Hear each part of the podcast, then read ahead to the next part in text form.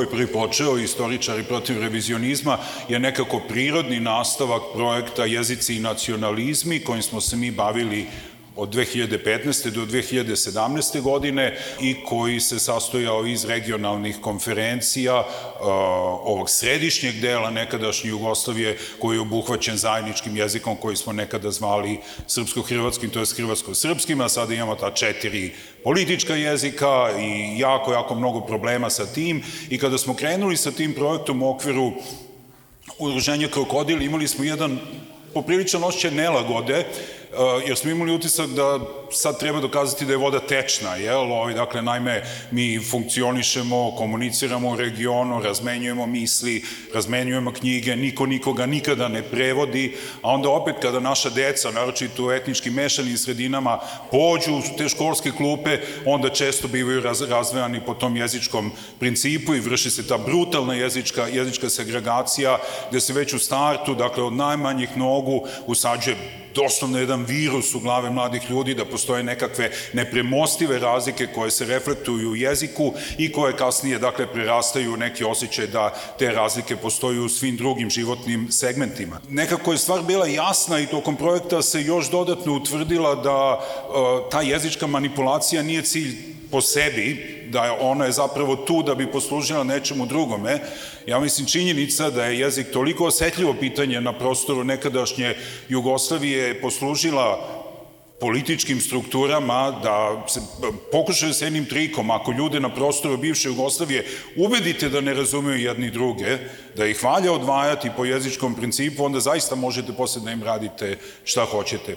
I mi smo videli, naročito kada smo analizirali obrazovne sisteme širom čitavog regiona, da je velike, e, ogromna manipulacija se posle vrši kada vi razvojite, dakle, recimo konkretno u Bosni i Hercegovini, e, decu srpske, bošnjačke i hrvatske nacionalnosti u različite odeljenja, pa im onda date posebne knjige, da se zapravo manipulacija nastavlja da vrši na još dva terena, a to su prevashodno časovi istorije i časovi, časovi književnosti.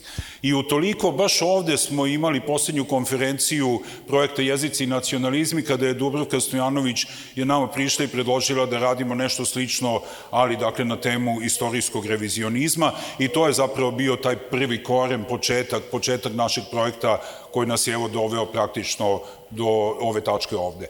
Videli ste već ovde nekoliko podataka, mi ćemo vam sad predstaviti Milivo i ja šta smo u stvari radili, šta je onaj deo koji vi ne vidite, ali ja moram da ponovim ove brojeve. Znači, na konferencijama u Beogradu i Novom Sadu je učestvovalo 24 istoričara, 12 ih je bilo na rezidencijama, 89 nastavnika osnovnih i srednjih škola su prošle kroz naše seminare i posebno smo zahvalni Eurokliju i našem prijatelju Acitu Dosijeviću koji nam je u stvari to omogućio, organizovao i pomogao i na kraju 60 studenta iz regiona koji su prošli kroz letnje škole. Samo te brojeve sam tela da kažem na početku, da biste videli koliko je toga urađeno za ove dve godine, a Milivoj će sada da nam predstavi nešto od naših aktivnosti. Evo, dobar dan i od mene. Dubravka je već rekla najpred nešto o konferencijama koje smo imali, mnogi od vas se možda i sećaju. Dakle, e, postojale su dve konferencije, jedna beogradska, druga novosadska.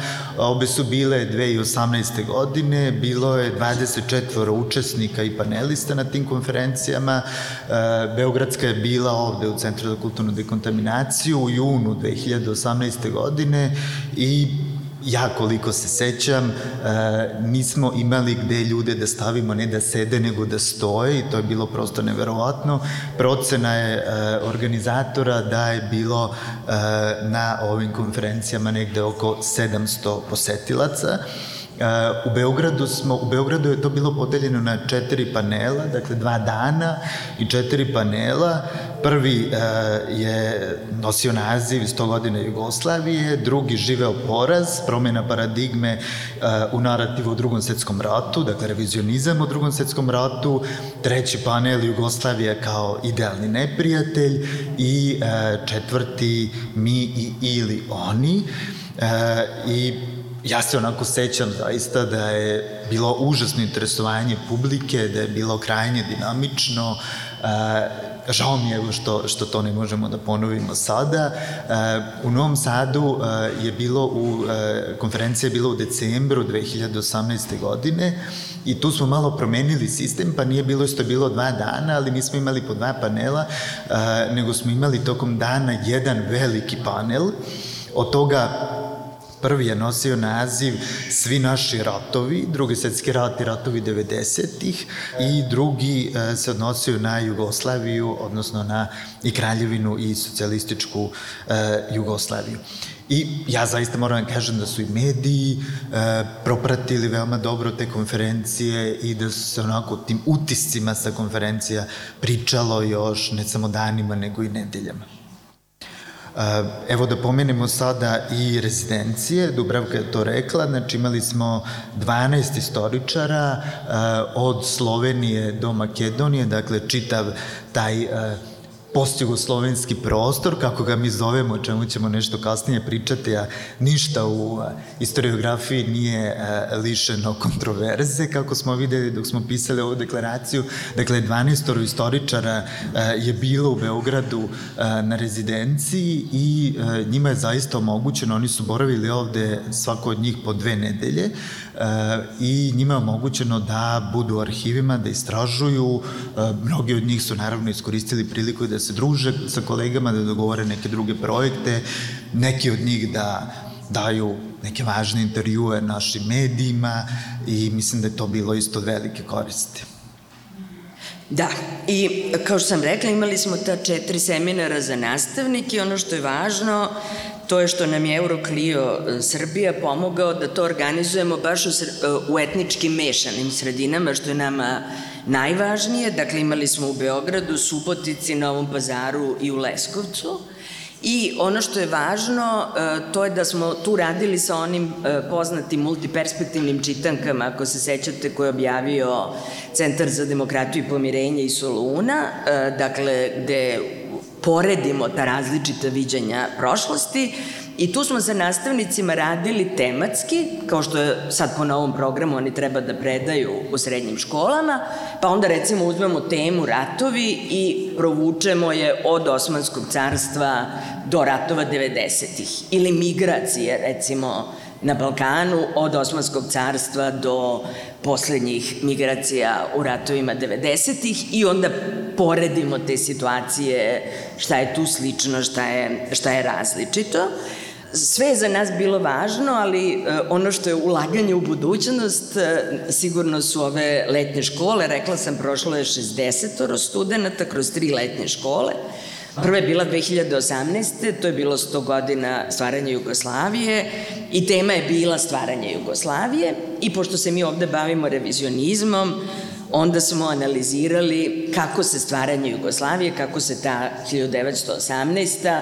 tretirala u istoriografiji Kraljevina SHS, koje se promene su se desile u socijalističkoj Jugoslaviji i kako je to u današnjoj historiografiji. Onda su studenti, tako reći, in vivo, u eksperimentu, mogli da vide koliko se menjaju ti odnosi u zavisnosti e, od politike. To je bila prva letnja škola, e, druga je bila posvećena drugom svetskom ratu, ti si Milivo je bio nadležno lice na toj drugoj, koje su vam bile teme.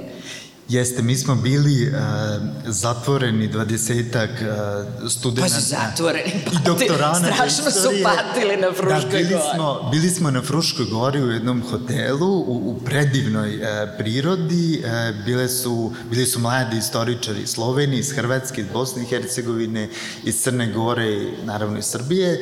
Uh, I uh, zaista je bilo onako vrlo dinamično. Svako prepodne uh, smo slušali jedno predavanje. E, predavači su bili Dubravka Stojanović, Milovan Pisari, Adnan Prekić i ja. E, jedan dan smo imali izlet e, okolina, dakle Novi Sad, Sremski Karlovac i tako. A popodne su studenti izlagali, odnosno mladi istoričari su izlagali svoje seminarske radove na teme koje smo, oko kojih smo se ranije dogovorili, oni su o tim temama naravno sarađivali su na tim temama sa svojim mentorima na univerzitetima na kojima studiraju. Teme su bile partizani, odnosno slika partizana u socijalističkoj i postsocijalističkoj historiografiji, pa onda slika kolaboracije u jednoj i u drugoj historiografiji, slika Josipa Broza Tita, učbenici u e, svim ovim našim društvima i e, slika žrtve, odnosno ko je žrtva u socijalističkoj i ovoj postsocijalističkoj, odnosno revizionističkoj e, istoriografiji. I ja moram da kažem da je zaista bilo vrlo zanimljivo, to je bilo vrlo dinamično, radili smo po ceo dan i onda uveče je naravno bilo druženje, sad možemo da pomenimo i nekakve literature koje su bile uveče. Dobro.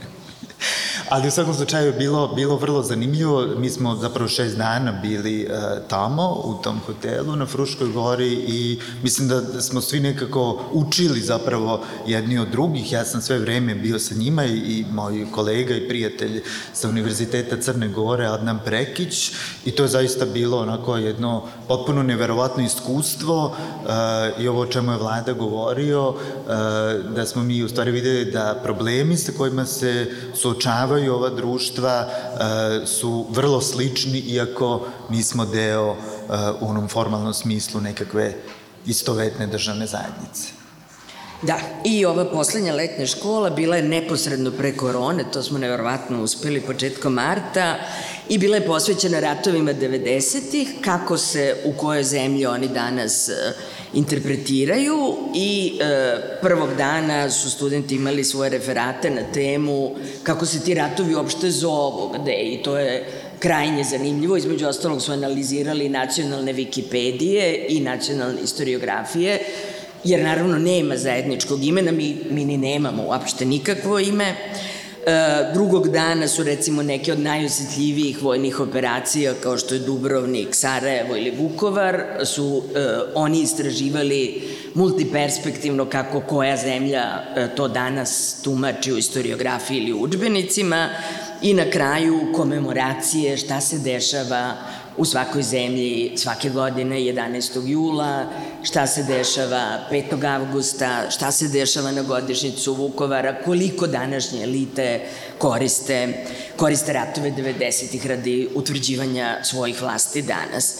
E, preći ćemo sada na drugi deo, ali evo odmah da kažem, e, nismo imali ni jedan jedini sukob, ni jedan povišeni ton na svim ovim aktivnostima, niko nije izašao iz projekta, svi su ostali do kraja i e, buk, zaista nije došlo ni do jedne rasprave, iako su teme najosetljiviji, to mislim da je veliki uspeh.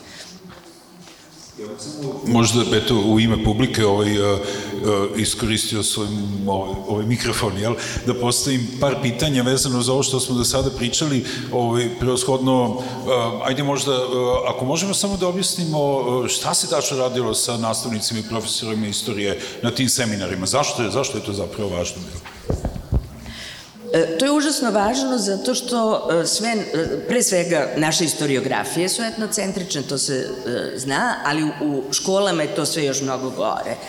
I procenti, recimo, uopšte kojima je prisutna opšta istorija i dalje padaju. Mislim da su sad negde oko 30% opšte istorije i 70% nacionalne istorije. I vi se toliko zagledate u taj svoj pupak da izgubite svaku ocenu gde ste i šta je istorijska realnost u kojoj živite. Posebno ne želimo ništa da znamo o regionu i zato su te multiperspektivne čitanke važne, zato što predstavljaju, uključujući i ove veoma osetljive teme kao što je drugi svetski rat ili balkanski ratovi ili ratovi 90-ih, uključuju te različite pozicije i otvaraju diskusiju na času. Mi smo naučili da istoriju učimo na pamet i da je ona neka vrsta dogme i Biblije koja mora da se memori, memoriše i, i o tome se ne diskutuje. Ove knjige upravo govore suprotno, e, one otvaraju diskusiju, svaka tema je vrlo problematična i čim zatvorite diskusiju vi dobijete jednu malu E, bombicu u društvu koja uvek može da eksplodira. I eto, recimo, sa nastavnicima smo radili te četiri celina, jedne su ratovi, od Osmanskog carstva do 90-ih, jedne su migracije, društva naša, uključujući žene i decu i ideologije u različitim periodima i onda smo ih radili multiperspektivno. Znači, to je na, većina nastavnika nije prošla takvu obuku, e, ni na fakultetu, ni na drugim seminarima i to je prosto za njih e, jedna vrsta otkrića. A ako možemo da objasnimo samo zašto je važno za regionalne istoričare bilo da borave na rezidenciji baš u Beogradu? Pre svega je bilo važno zbog toga što mi sad ovde kad pričamo ovom projektu, kad pričamo o revizionizmu, mi pa pre svega govorimo o savremenoj istoriji, dakle, ova recentna istorija koja se odnosi na poslednjih stotina godina, koja je naša zajednička na kraju krajeva istorija, e, i većina arhive su zapravo ovde u Beogradu. Dakle, gotovo sve ono što je jugoslovenska prošlost e, jeste pohranjeno u... To su arhiv Jugoslavije? Da, pre svega arhiv Jugoslavije, da. Dakle, pre svega govorimo o arhivu Jugoslavije i zbog toga je bilo, zbog toga je vrlo važno, jer tu nije došlo do one čuvene sukcesije, e, sva građa je ostala ovde i zbog toga je vrlo važno da istoričari koji se bave 20. vekom, e, ne možete imati ovo čemu je Dubravka govorila, tu etnocentričnu perspektivu, e, morate da imate dakle što širu, a pre svega tu jugoslovensku perspektivu i zbog toga je vrlo važno bilo da svi ovi istoričari dođu u Beograd, se upoznaju sa arhivom i. Mnogi od njih su naravno i ranije već bili ovde, istraživali u beogradskim arhivima, ali mislim da je ovo bio posebno važan podstrek da, da, se, da se krene u tom smeru odbranimo istoriju i naravno kao glavna komunikacijska alatka u vreme sveopšteg saživanja hashtag odbranimo istoriju. O, ovaj, ona je već e, priređena na varijantama zajedničkog jezika, tako da imamo i hashtag odbranimo povijest i odbranimo historiju. Ovaj, reč je o deklaraciji na kojoj je radna grupa koju smo spomenuli ovaj, vredno radila već jedan dugi, dugi ovaj, vremenski period ovaj, sa jednim izrazitim ubrzanjem u poslednjih desetak, desetak dana. Ovaj, radnoj grupi su se i, u manjem ili većem intenzitetu priključili o, jedan broj istoričara, Snježana Koran je ovaj, učestvovala Srđan Milošević, Olga Manojlović Pintar, o, Adnan Pekić i tako, Petar Teorov, to ćemo sve pročitati, ali i neke druge ličnosti koje nisu samo istoričari, dakle zaista je ovo rezultat jednog kolektivnog rada i ovo je zapravo naša alatka, glavna naša alatka od sada pa na, na dalje, tako da u ovom trenutku kada zapravo formalno zatvaramo projekat koje prvi počeo istoričari protiv revizionizma, otvaramo jedno njegovo drugo poglavlje, a ono je u u onim najosnovnim crtama predstavljeno u okviru ovog programskog teksta, ove deklaracije koje nazivamo Odbranimo istoriju. Ovaj, dakle, ova deklaracija je, ovaj, će biti dostupna na sajtu krokodil.rs već od sutra. Od ponedeljka ćemo krenuti sa intenzivnom diseminacijom širom regiona, ovaj, zahvaljujući podršci naših regionalnih prijatelja i partnera i pozvaćemo ljude dobre volje od od, od, od asvuda, ali pretpostavka je da će ljudi sa ovog našeg prostora biti naj, najzainteresovaniji da ovaj potpisuju ovaj tekst. On se, on je priređen na, dakle, četiri varijante zajedničkog jezika, već je preveden i na makedonski i na slovenački jezik i preveden je na engleski i nemački jezik, ovaj bit će uređeni prevod na francuski jezik. Tako da, ovaj, evo ja bih molio ovaj, Dubravku i Milivoja da pročitaju jedan deo deklaracije i možda da objasne kako je ona nastajala. Hvala i važno reći da mogu svi danas da je potpišu ovde, ali tako? E, tako je, ovde takođe imamo spremne ove liste za potpisivanje, tako da svako ko je ovde prisutan i koliko želi da nam ostavi potpis može da učini to odmah i ovde. E, da, ovo je kruna ovog projekta, mi smo je obećali u projektnom tekstu, ali nikad nismo smeli da pominjemo da će se to zaista desiti. Ja sam danas sela i izbrojala sam u svom kompjuteru 29 verzija ove deklaracije. U njoj ni jedna reč nije ostala ista od prve verzije napisane 22. januara. Kasnije ću vam objasniti kako je to izgledalo na primjeru jedne rečenice, ali sad prvo moram da se svima zahvalim. Dakle, čuli ste članovi radne grupe koji su na ovome radili su Milivoj Bešlin, Božo Repe iz Ljubljane, Husnija Kamberović iz Sarajeva, Tvrtko Jakovina iz, eh, iz Zagreba, svi profesori filozofskih fakulteta. E, neophodna nam je bila pomoć Crne Gore, naše kolege Adnana Prekića, profesora Filozofskog fakulteta u Nikšiću i naše kolege iz Skoplja, Petra Todorova iz Istorijskog instituta e, iz Skoplja. U Beogradu su direktno na pisanju deklaracije učestvovali naša koleginica Olga Manojlović-Pinter i Srđan Milošević, velika pomoć iz Zagreba, velike debate sa kolegama Snježanom Koran, Magdalenom Najkbar Agičić, e, Branimirom Jankovićem i Damirom Agičićem su izuzetno bile korisne. I kad smo završili istoričarski deo, poslali smo to E, široj intelektualnoj javnosti, dobili smo reakcije koje su nam mnogo značile i mnogo se zahvaljujemo od Igora Štiksa, Borisa Budena, Ivana Čolovića, Florijana Bibera, Vladimira Arsenijevića, Mirjane Mijočinović, Viktora Ivančića i Andreja Nikolaidisa. E, kasnije kad vam budemo pričali koliko se menjalo i zašto se menjalo, svi ovi ljudi su bili izuzetno važni u procesu tih promena i mnogo su doprineli, jer ovde je bilo sporno sve. Kao što vidite, ovaj projekat se zove Istoričari protiv revizionizma. Najsporniji termin je ispao revizionizam. I na kraju ga nema u deklaraciji.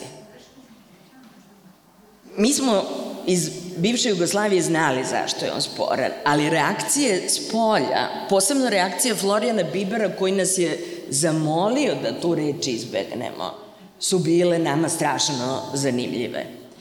Zbog toga što se revizionizam meša sa onim što je napredovanje istorijske nauke, što je revizija, što su stalne promene, što je napredovanje istraživanja istoričara, ono što je nužno, što je naš osnovni posao. Znači, naš osnovni posao jeste da nalazimo nove podatke, činjenice i dokumente i da menjamo ono što se o prošlosti znalo.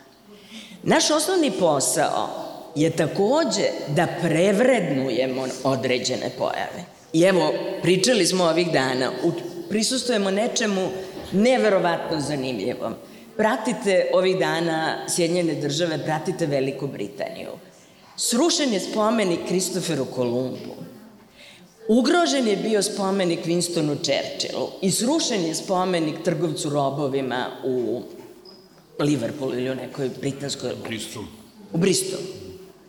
Dakle, to je to prevrednovanje, zato što vam je savremenost poručila da su sad neke druge vrednosti. I vi prirodno morate da dovodite u pitanje nešto što je, što je bilo vrednost prošlosti.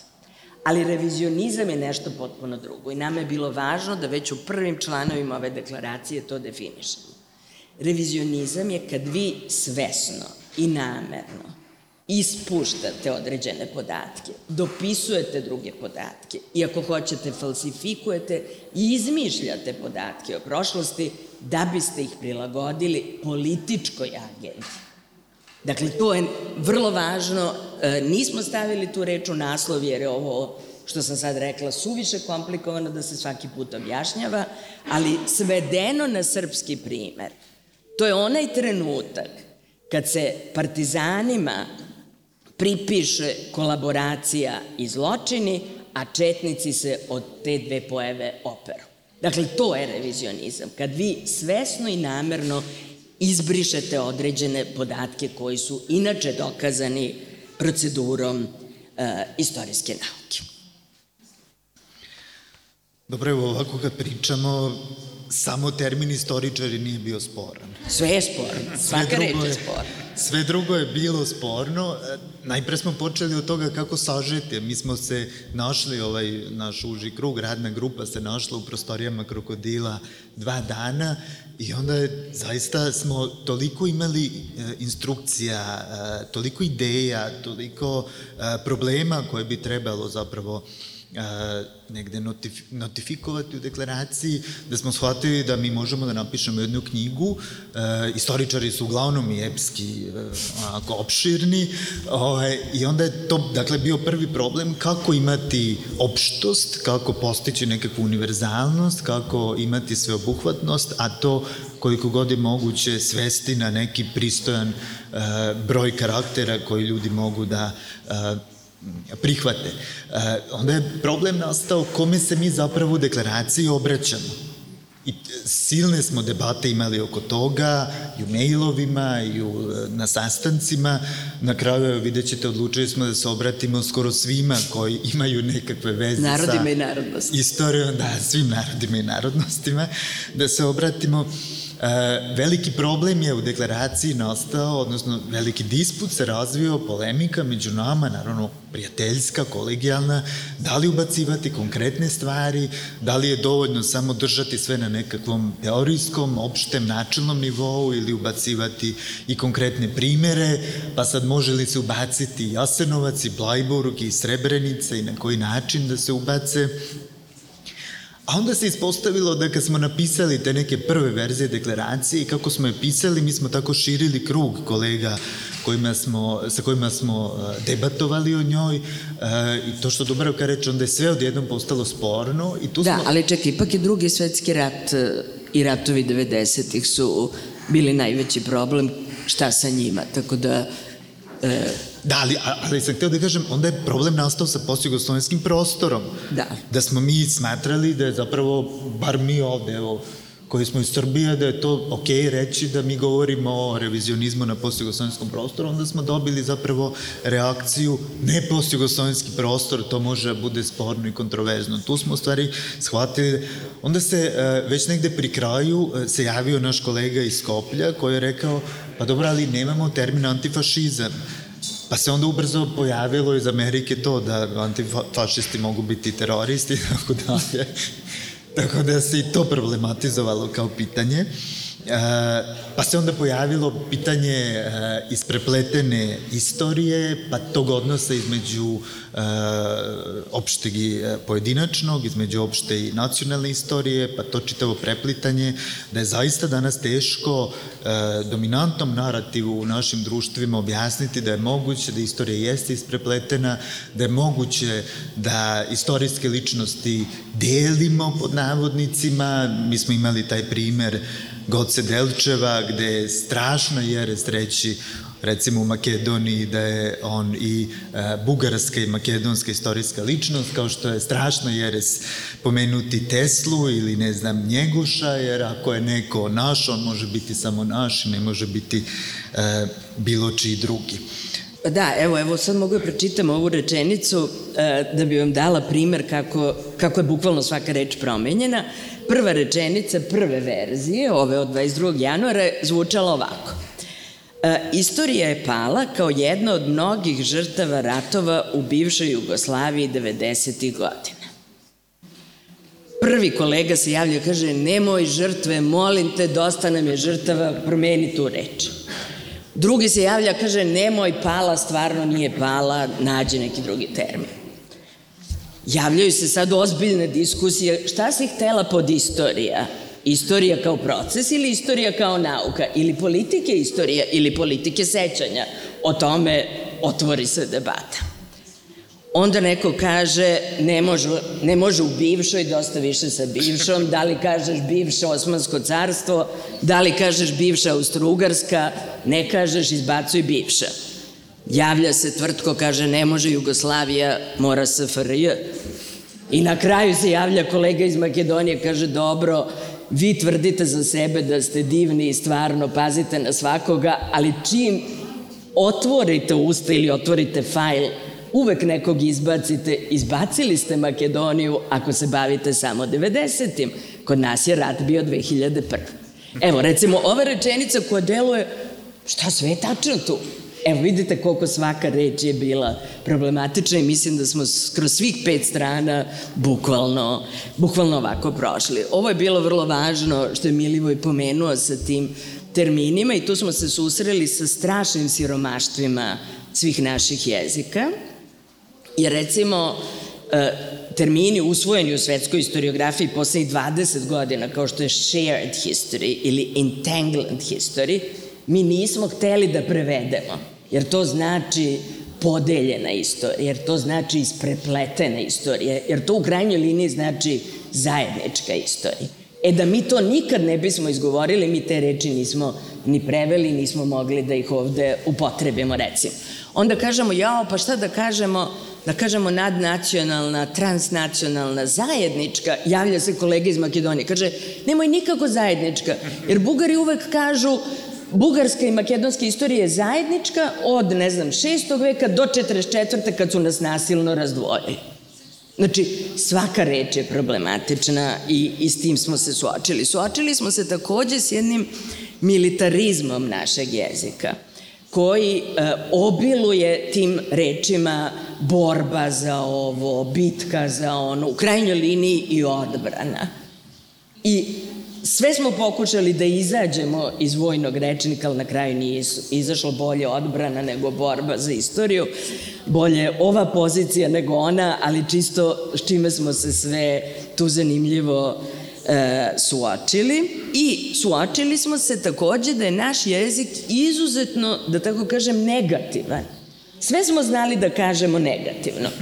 Deklaracija protiv revizionizma. Ali kad treba kažeš zašto je to deklaracija, nema.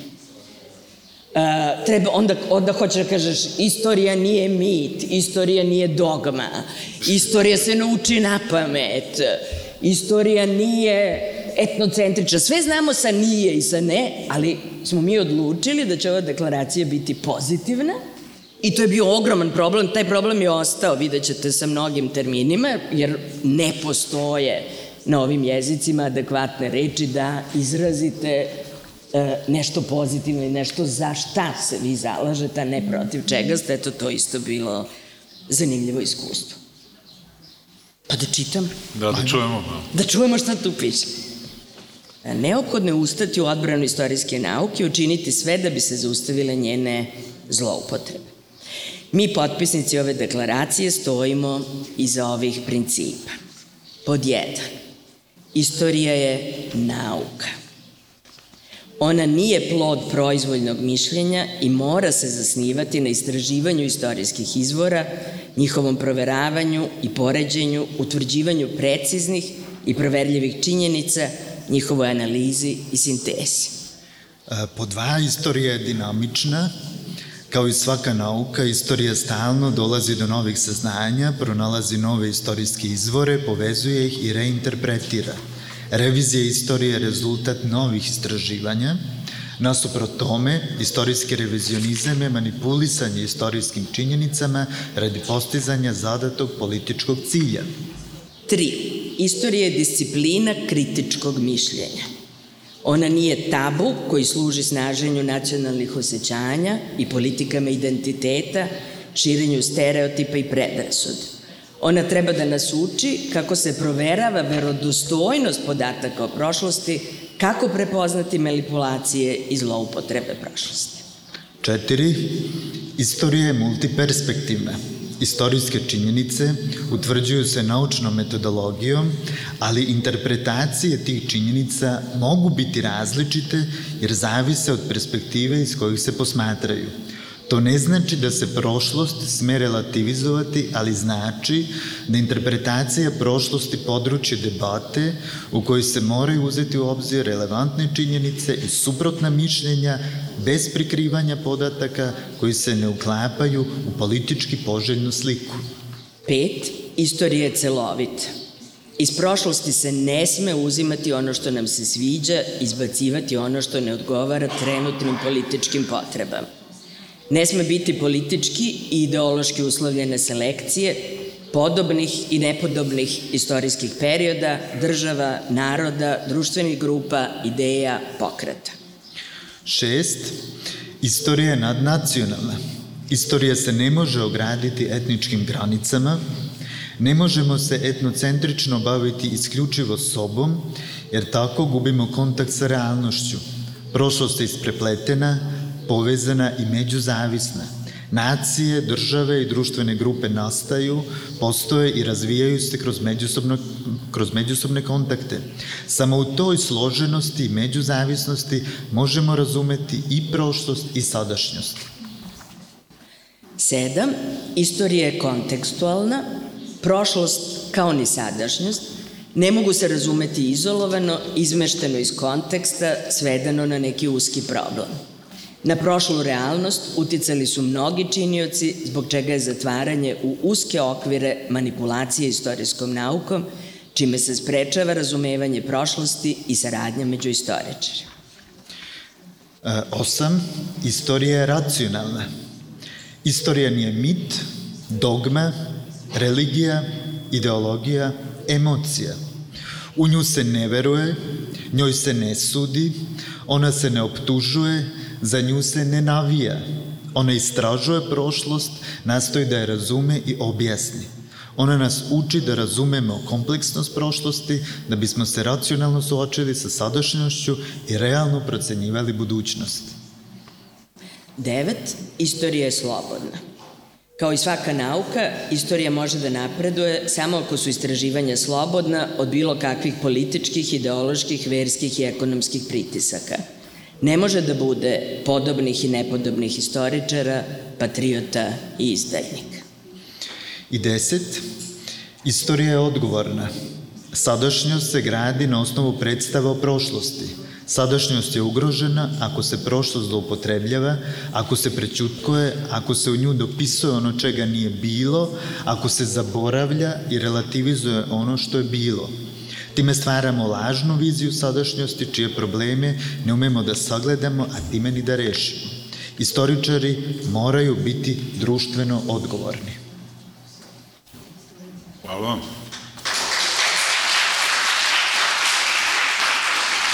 Samo možete da kažem ovaj, kratko, dakle, ovo je jedan od tri sastavna dela ovog teksta, on se sastoji iz jedne preambule koja je deskriptivna, koja objašnjava stanje kojim se obraća ovaj sam dokument iz ovih deset principa koje ste čuli i iz takozvanih preporuka, pa možemo možda ukratko da kažemo o čemu se radi u preporukama. Da, evo, da, dakle, to je taj problem bio kome se mi zapravo obraćamo, E, I onda smo odlučili, kao što sam vam rekao, da se, da se obratimo svima, e, pa smo odlučili da, da se obratimo najpre istoričarima, od kojih tražimo to da se drže metodoloških pravila i principa istoriografskog zanata, potom da se obratimo političkim elitama, od kojih tražimo da vode odgovorne politike istorije, da prestanu one čuvene zloupotrebe e, istorije i zloupotrebe prošlosti e, i da zapravo prestanu da rade ono što smo vrlo često govorili, da nam umesto bolje budućnosti stalno falsifikatima nude bolju prošlost da se obratimo parlamentima i to ne samo našim nacionalnim parlamentima nego i e, evropskim e, da prestanu da donose zakone, rezolucije, e, preambule i druge akte kojima zapravo imaju intenciju ili pretenziju da pišu istoriju i da nam oktrojišu istorijske istine. Da se obratimo sudovima od kojih dakle tražimo kad već primenjuju e, zakone razne o rehabilitacijama i tako dalje koje možemo oceniti kao revizionističke da se ipak drže utvrđenih pravila i principa odnosno da se drže činjenica koje je utvrdila istorijska nauka da se ne igraju istoričara matera i najzad da se obratimo ministarstv, e, ministarstvima nauka naših društava e, sa željom da e, zapravo podrže one projekte koji se zalažu za kritičko promišljanje e, istorije. I onda da se obratimo ministarstvima obrazovanja koji i dalje istoriju smatraju predmetom koji služi formiranju i jačanju nacionalnog identiteta i da upravo ne rade to nego da je doživljavaju, kao što smo rekli, kao nauku koja promoviše kritičko mišljenje ministarstvima kulture e, da vode računa kada podižu spomenike kao i lokalnim vlastima kad menjaju imena ulica, daju imena školama, da se trude saista da izbegnu ratne zločince iz drugog svetskog rata i poslednjih ratova medijima da postanu konačno odgovorni i da ne daju prostor paraistoričarima koji su naravno daleko zanimljiviji od nas istoričara, ali su vrlo maligni u svemu tome. I naravno ono što nam je uvek vrlo važno, nastavnicima istorije, da ih podržimo u tome da je istorija način da se kritički misli, jer kao što je poslednja rečenica ove deklaracije, bez kritičkog mišljenja u nastavi istorije osnažuju se autoritarna svest i isključivost kod mladih koji možemo na, na nas, nažalost, da utvrdimo u gotovo svakom ispitivanju e, javnog mnjenja i posebno mladih. Naše kolege iz radne grupe, iz e, dakle, Boža Repe, iz e, Ljubljane, Husnija Kamberović iz e, Sarajeva i Tvrtka Jakovina iz Zagreba su nam postavili jako interesantne ovaj, video priloge, pa bi možda bilo interesantno da ih jedan po jedan pogledamo i možda prokomentarišemo. Za vrijeme Jugoslavije postala je nekakva zajednička historiografija, njeno jedro bio je Savez istoričara Jugoslavije, izlazio je Jugoslovenski istorijski časopis, bili su tu neki projekti, kongresi i slično, ali je poznato da to zapravo nije bila neka zajednička historiografija, nego u suštini to je, je bio neki skupak nacionalnih historiografija, koji su u 80. godinama između sebe posvađale i u tom medijskom i političkom ratu 80. godina istorija je imala presudnu ulogu, a naročito revizionizam drugog svetskog rata, koji je svaki narod naravno radio uh, za sebe. Ne. Znači, to je inače bilo šire nego nije samo pitanje historiografije ali činjenica je da su se tadašnji e, istoričari posvađali i da su imali e, jednu vrlo važnu ulogu u tom medijskom i političkom ratu 80-ih e, godina. Sad, proizlazeći iz ovog iskustva, koje je imalo strašne posledice za sva naša društva, posljedice s kojima se i još danas, kao što znamo, suočavamo.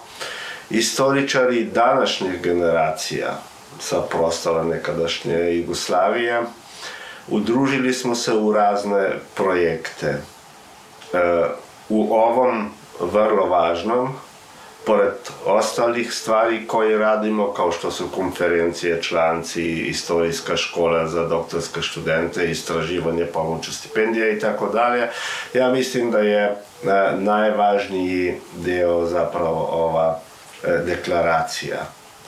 Mi znamo da je historiografija predmet e, nacionalističkih, političkih, sudskih i drugih manipulacija i zloupotreba u svim državama nekadašnje Jugoslavije. Tako je u Sloveniji, tu recimo još uvijek postoji oštra borba za, oko interpretacije događaja u drugom svetskom ratu. Drugi svetski rat je predmet političkog revizionizma, u kome se stigmatizira na, narodno-oslobodilački e, rat, narodno-oslobodilačku borbu, rehabilituje se kolaboracijo, E, to sve ide kroz političke tekstove, medije, internetne društvene mreže koje su pored, pored politike e, dominantne, znači faktički ovladaju, ovlad, ovladavaju tu diskusiju. Događa se i sudska revizija prošlosti. E, pored, pored rehabilitacije biskupa Gregorija Rožmana, pre par godina, sad je poslednji primjer rehabilitacija najvećeg slovenačkog kvizlinga Leona Rupnika, vođa slovenskog domobranstva. Ti sudski postupki u suštini su zloupotreba pravosuđa. Vrhovni sud odluči da ukida presudu i vraća predmet na ponovo suđenje na okružni sud, okružni sud zaustavlja postupak jer zakon zabranjuje obnovu postupaka ako je osoba umrla. Znači, vrlo providno i nevredno jednog sudskog sistema jedne moderne države, naročito članice Evropske unije. unije. Zbog toga su i centar Simona Vizentala i brojne međunarodne organizacije oštro protestovali, ali naravno tu je odluka u Sloveniji i tu ako neće doći na Evropski sud, tako će to, to ostati. Slične manipulacije kao što se događaju sa drugom svetskom ratu, ratom događaju se i sa posljednjim periodom, znači periodom raspada Jugoslavije, osamostaljenja Slovenije. To je izrazito mitska tema, izrazito ideologizirana tema. Znači, deklaracijom koju smo e, napravili, mi odbacujemo taj povijesni revizionizam e, i pozivamo na neku sveobuhvatnu, racionalnu, e, nadnacionalnu, odgovornu postupanje sa prošlošću. Obraćamo se političaram, političarama, povjesničarama, parlamentima, vladama, naravno e, i drugim državnim tijelima, a naročito javnosti. E, nemamo neku iluziju da se to može brzo promijeniti, jer su uzraci složeni, ne proizlaze iz uh, istorijske nauke, proizlaze iz strukturnih problema naših društava, načina na koje su, su se pojedine države osamostaljene ili bile stvorene, kako to opravdaju, e, zavisi od e, kulturnog okruženja u kojem živimo i mnogih drugih faktora. A posebno, posebno zavisi od e, politike koja u svim našim društvima manipulira sa prošlošću jer je to i, i, i nekako podupire mržnju, e, jer je to najlakše. Bavljenje s prošlošću mnogo je lakše nego je uh, bavljenje sa aktualnim problemima sadašnje, sadašnjice i, i, i budućnosti. Uh, tim projektom ja mislim da želimo nekako i, i pokazati da je suradnja u posjedu slovenskom prostoru ne samo moguća, nego i uspješna i želimo nekako pomoći da se zlodjela e, kroz koje su prošla naša društva zbog ratova 80. godina neće ponoviti.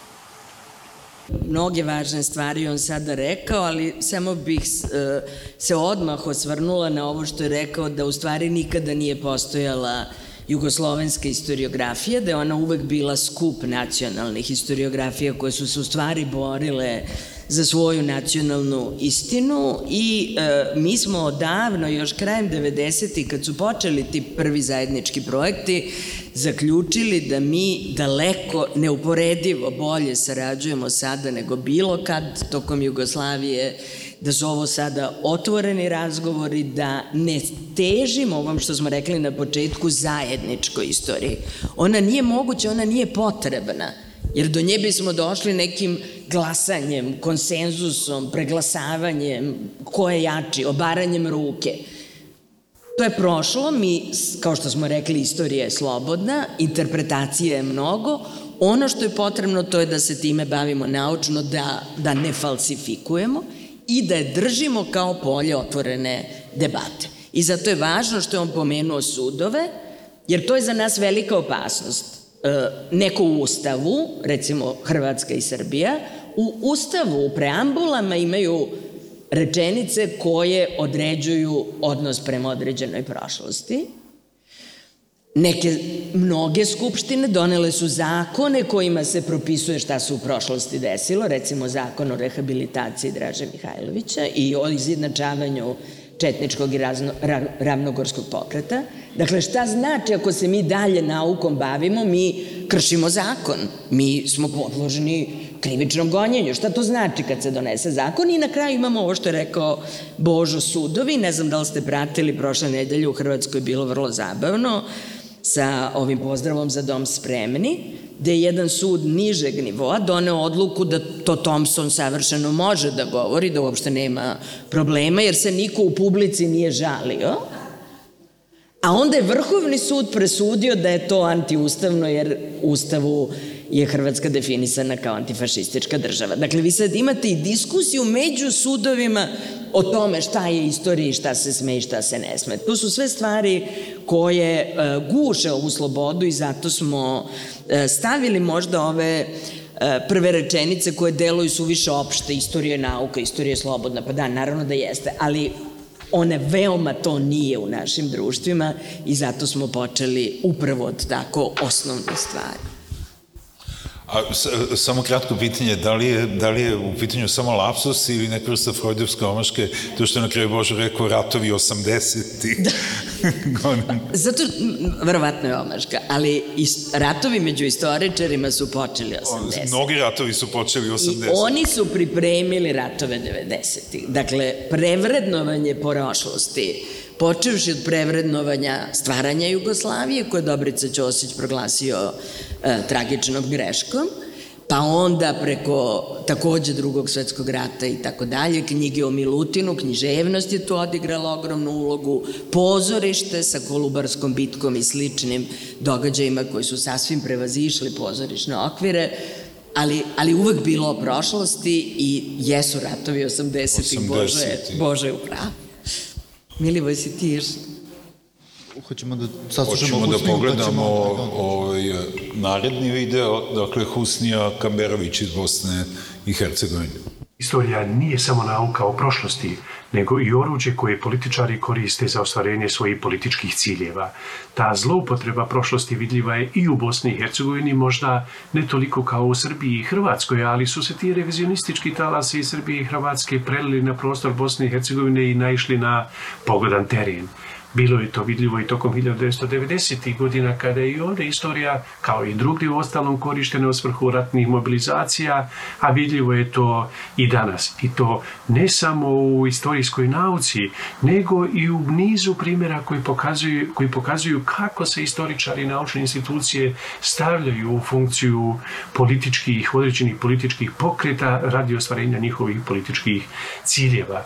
Neću ovdje govoriti o rehabilitaciji četničkog pokreta koji je u Republici Srpskoj kao dijelu Bosne i Hercegovine zauzeo, zahvaljujući brojnim istoričarima, isti stav, isti status kao i u Republici Srbiji. Kao primjer upotrebe ili zloupotrebe istorije pomenuću jedan slučaj kada je Skupština kantona Sarajevo davala saglasnost za imenovanje škole po imenu Mustafa Busulađić. Riječ je o čovjeku koji je u toku drugog svjetskog rata napravio nekoliko intervjua sa velikim jeruzalimskim muftijom El Huseinijem, držao govore i pisao tekstove koji su u interpretacijama mnogih koji se danas bave njegovim tekstovima zapravo antisemitski. Međutim, Skupština je za stav da se ne radi o antisemiti koristila mišljenje koje je dobila od Instituta za istoriju u Sarajevu koji je zaključio kako Mustafa Busalađić nije nikakav antisemita, da se u njegovim tekstovima ne može ništa naći antisemitsko niti fašističko, nego da je prosto riječ o jednom od najvećih bošnjačkih intelektualaca koga su komunisti 1945. godine likvidirali samo zato što je bio antikomunista. Sličnih pokušaja upotrebe istorije i naučnih instituta bilo je i prilikom pokušaja da se utemelji datum osnivanja Sarajeva i tako dalje. Osim toga, i kod nas je pomama za nekim rezolucijama u kojima parlamenti žele pisati povijest. Prvo je u ratu 1993. godine Skupština Republike Srpske donijela odluku koja ostavlja van snage sve odluke koje je u toku drugog svjetskog rata donijela Skupština, odnosno Zemaljsko antifašističko vijeće narodnog oslobođenja Bosne i Hercegovine. Upravo ovih dana je parlamentarna skupština Bosne i Hercegovine izglasala jednu rezoluciju o poštivanju žrtava Ustaškog režima, da bi samo par dana nakon toga Skupština Republike Srpske donijela odluku kojom stavlja van snage navedenu rezoluciju parlamentarne Skupštine Bosne i Hercegovine i pritome nudi svoju interpretaciju događanja u toku drugog svjetskog rata. Zato je jako važno da se mi istoričari iz svih zemalja nastali na jugoslavenskim ruševinama oglasimo jednom zajedničkom deklaracijom, stanemo u odbranu istorije kao nauke, da pozovemo političare da prestanu zloupotrebljavati e, istoriju, ali također i da ohrabrimo naučnike i istoričare da ne služe političarima radi ostvarenja njihovih političkih ciljeva, nego da se bave zapravo istorijom kao naukom. Zašto je to važno? Važno je zato što su nam ratovi 1990. godina pokazali da zloupotreba istorije u političke svrhe može biti vrlo krvava. Zato mislim da mi istoričari pokazujemo jednu vrstu odgovornosti ne samo prema prošlosti nego i prema budućnosti pozivom da se konačno prestane zloupotrebljavati istorija i da se istorija ostavi isključivo istoričarima za naučna istraživanja. Nama ne treba nikakva bolja prošlost, nama treba svima bolja sadašnjost i bolja budućnost. Ovako da, da prokomentarišem kratko, najpre je vrlo važno ovo što je profesor Epe rekao da je saradnja na postjugoslovenskom prostoru ne samo moguća i u ovakvom kontroverznom polju kao što je istorija, odnosno historiografija, e, nego da ona može da bude u stvari vrlo uspešna i to ovaj rad koji nije rad od nekoliko dana ili meseci, nego rad od nekoliko godina i to vrlo intenzivan, u stvari pokazao. E, druga stvar je vrlo važna i to su i profesor Kamberović i profesor Epe na, naglasili, naši problemi su vrlo slični. Dakle, e, upotrebe i zloupotrebe istorije od strane političkih elita, dominantnih ideoloških matrica u društvu su zapravo vrlo, e, vrlo slične. E, historiografija, i mi smo to stavili zapravo u ovu preambulu, da je e, historiografija predmet nacionalističkih, političkih zloupotreba, što nije čudno, prošlost legitimiše i mi znamo još od početka 20. veka, ono čuveno Renanovu, da je zaboravljanje ili pogrešno pamćenje istorije suštinski činilac u formiranju jedne nacije i dakle to je nešto što je jedno od e, nosećih problema zapravo u našim historiografijama. Ovde iz ova dva primera, odnosno iz ova e, dva izlaganja i Boža Repa i Husnije Kamberovića možemo da vidimo, i to smo takođe stavili u preambulu ove deklaracije, da je polje drugog svetskog rata u stvari e, i dalje ono e, središno zapravo bojno polje u e, istorijskim naukama, potom da do Bosne i Hercegovine još nisu stigle ove e, sudske borbe e, istorijama, e, bitka se i dalje dešava na nivou e, Skupština, u Srbiji, u Sloveniji, u Hrvatskoj e, je to stiglo i do sudova.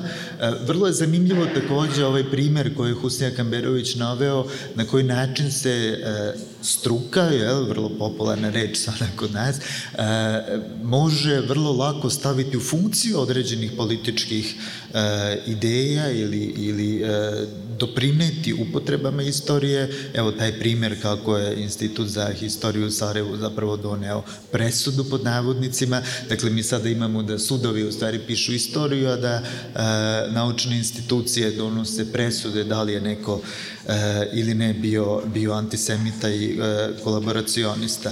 E, I najzad mislim da je, da je vrlo važno Eh, ovaj eh, upozorenje koje je naveo Husnija Kamberović, dakle, ovde smo videli eh, na koji način su stvari skupštine u dva bosansko-hercegovačka entiteta u stvari nastavljaju rat drugim sredstvima, dakle, skupštinskim rezolucijama i, i borbe politikama istorije i mislim da je važno kad to dođe iz Bosne i Hercegovine upozorenje koje je zapravo poslao Husnija Kamberović, a to je da političke posledice zloupotrebe zloupotrebe istorije mogu biti veoma krvave.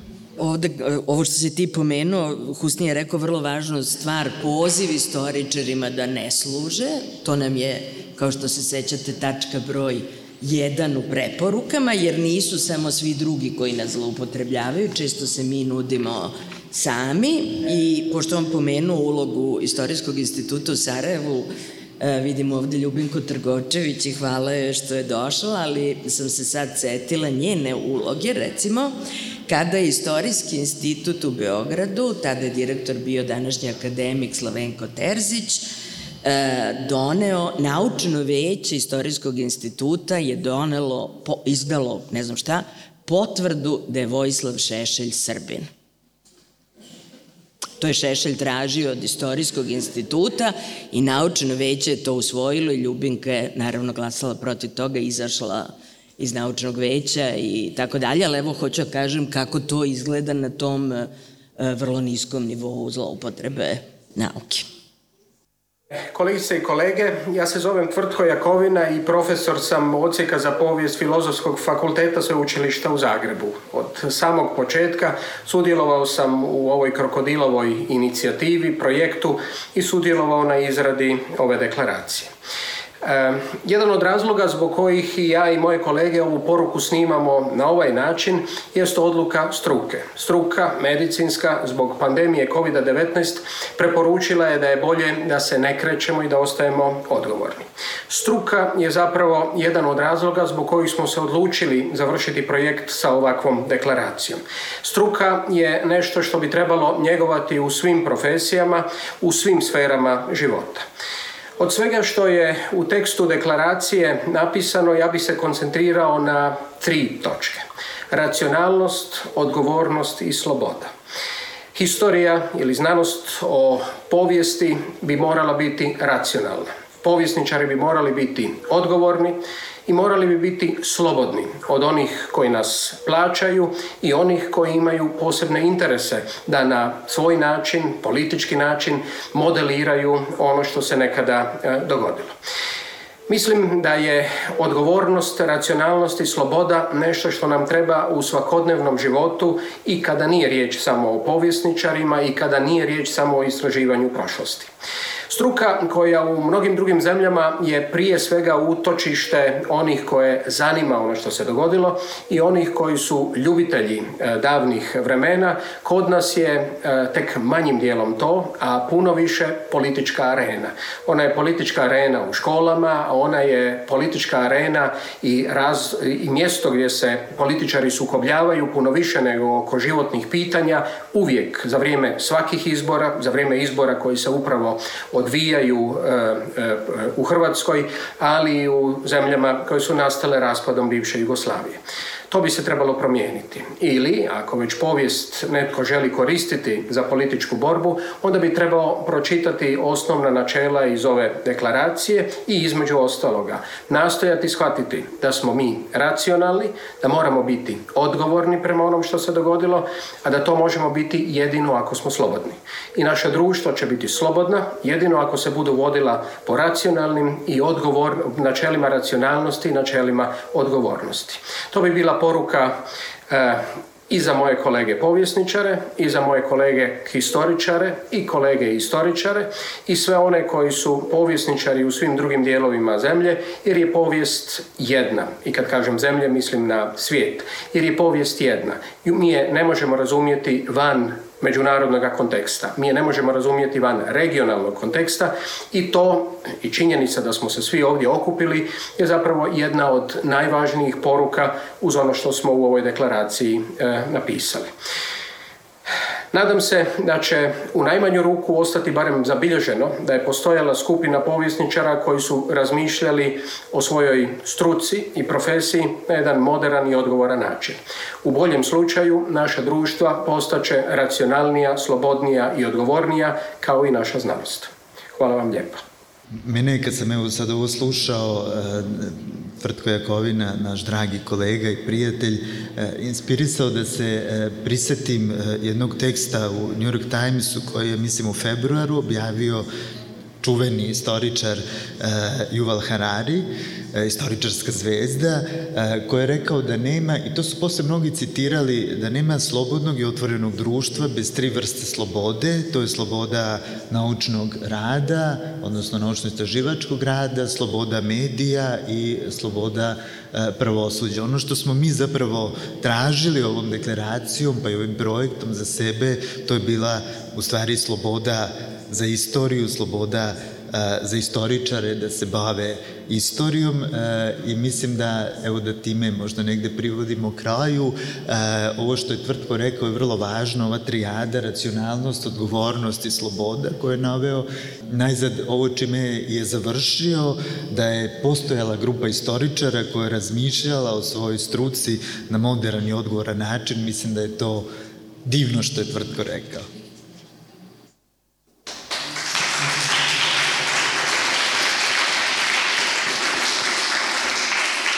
Pa ne, evo, i mi smo pred izborima kao i Hrvatska, kao i Makedonija i u tom nekom vremenu opšte malodušnosti, gde svi kažu pa ništa ne može ni da se promeni, iako je bojkot, iako nije bojkot, iako izađem, iako ne izađem, sve je uvek isto.